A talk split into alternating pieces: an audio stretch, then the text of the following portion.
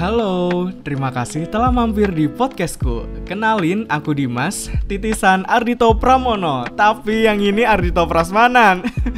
Oke, jadi hadirnya podcast ini adalah sebuah bentuk antusias untuk meramaikan kancah permilatan UMY. Semoga di usia ke-40 ini menjadi titik baik untuk menjadi kampus yang semakin unggul dan islami dengan melahirkan generasi muda yang bisa mendunia tentunya.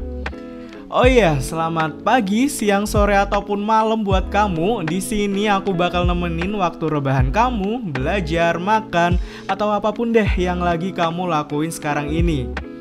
Ngomong-ngomong, kamu apa kabar sih hari ini?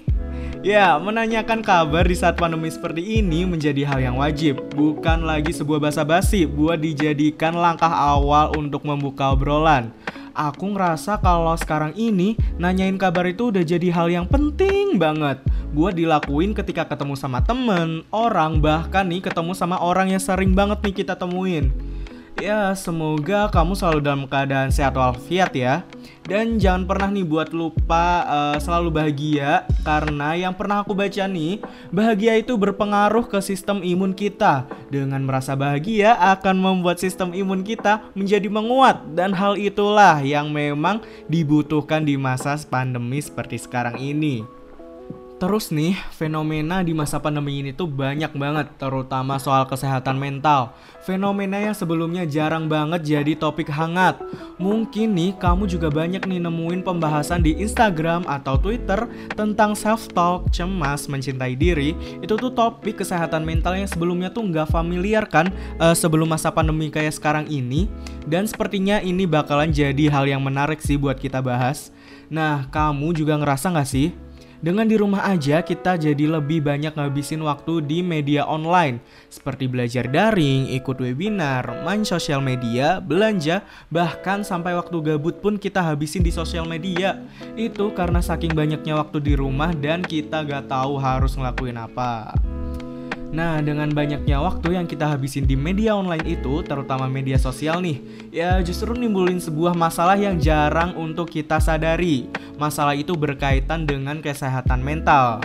Hmm, oke okay deh. Aku kasih waktu kamu 5 detik buat mikir nih, kira-kira itu masalah apa sih?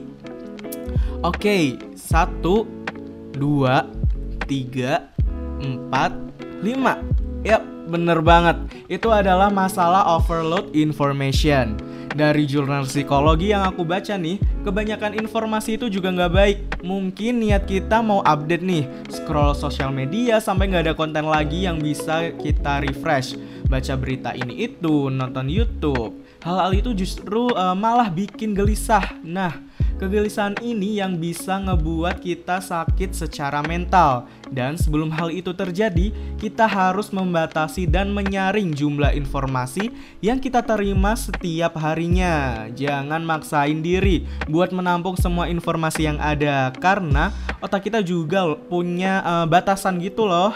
Nah, menurut Lucy Joe Paladino yang dijelaskan lewat bukunya yang berjudul Find Your Focus Zone, an effective new plan to defeat distraction and overload, kelebihan informasi terjadi apabila seseorang berusaha mencari informasi lebih banyak dan terus-menerus sementara otaknya nggak bisa bekerja sehebat itu.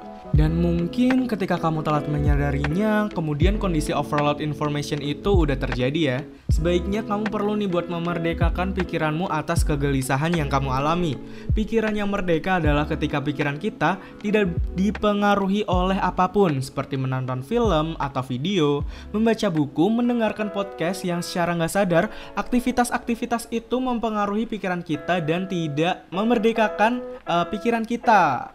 Nah, sebenarnya untuk memerdekakan pikiran sendiri bisa dilakukan dengan uh, kenyamanan diri sendiri sih.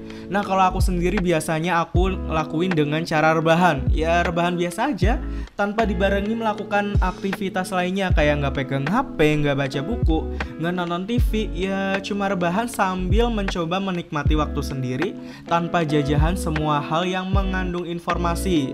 Percaya deh, rebahan yang bener-bener rebahan itu nikmat banget uh, kadang nih pikiran kita dibawa nostalgia uh, pada hal-hal menyenangkan di masa lalu. Seperti apa ya kalau dulu tuh aku waktu kecil nih sore-sore tuh suka banget nih main kelereng bareng temen-temen terus baru balik pas udah azan maghrib. Nah itu nu kita juga uh, bisa menghayal nih kadang-kadang pikiran kita tuh menghayal tentang masa depan nih. Entar di masa depan kita bakal ngapain aja ya Nah, yang pada intinya kita dilupakan atas jajahan yang sedang kita alami. Nah, ketika kita sudah berada pada posisi pikiran yang merdeka, walaupun tidak lama, misalnya 30-45 menitan, itu udah sangat membantu meminimalisir dan menghindari kegelisahan.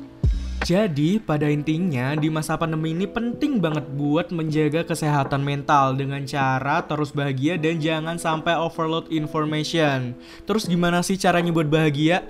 Ya dengan cara makan makanan sehat yang kamu suka. Misalnya nih kalau aku, aku tuh suka banget buat makan salad. Salad apa pun deh, mau itu salad sayur atau salad buah. Yang penting ada mayonaise-nya.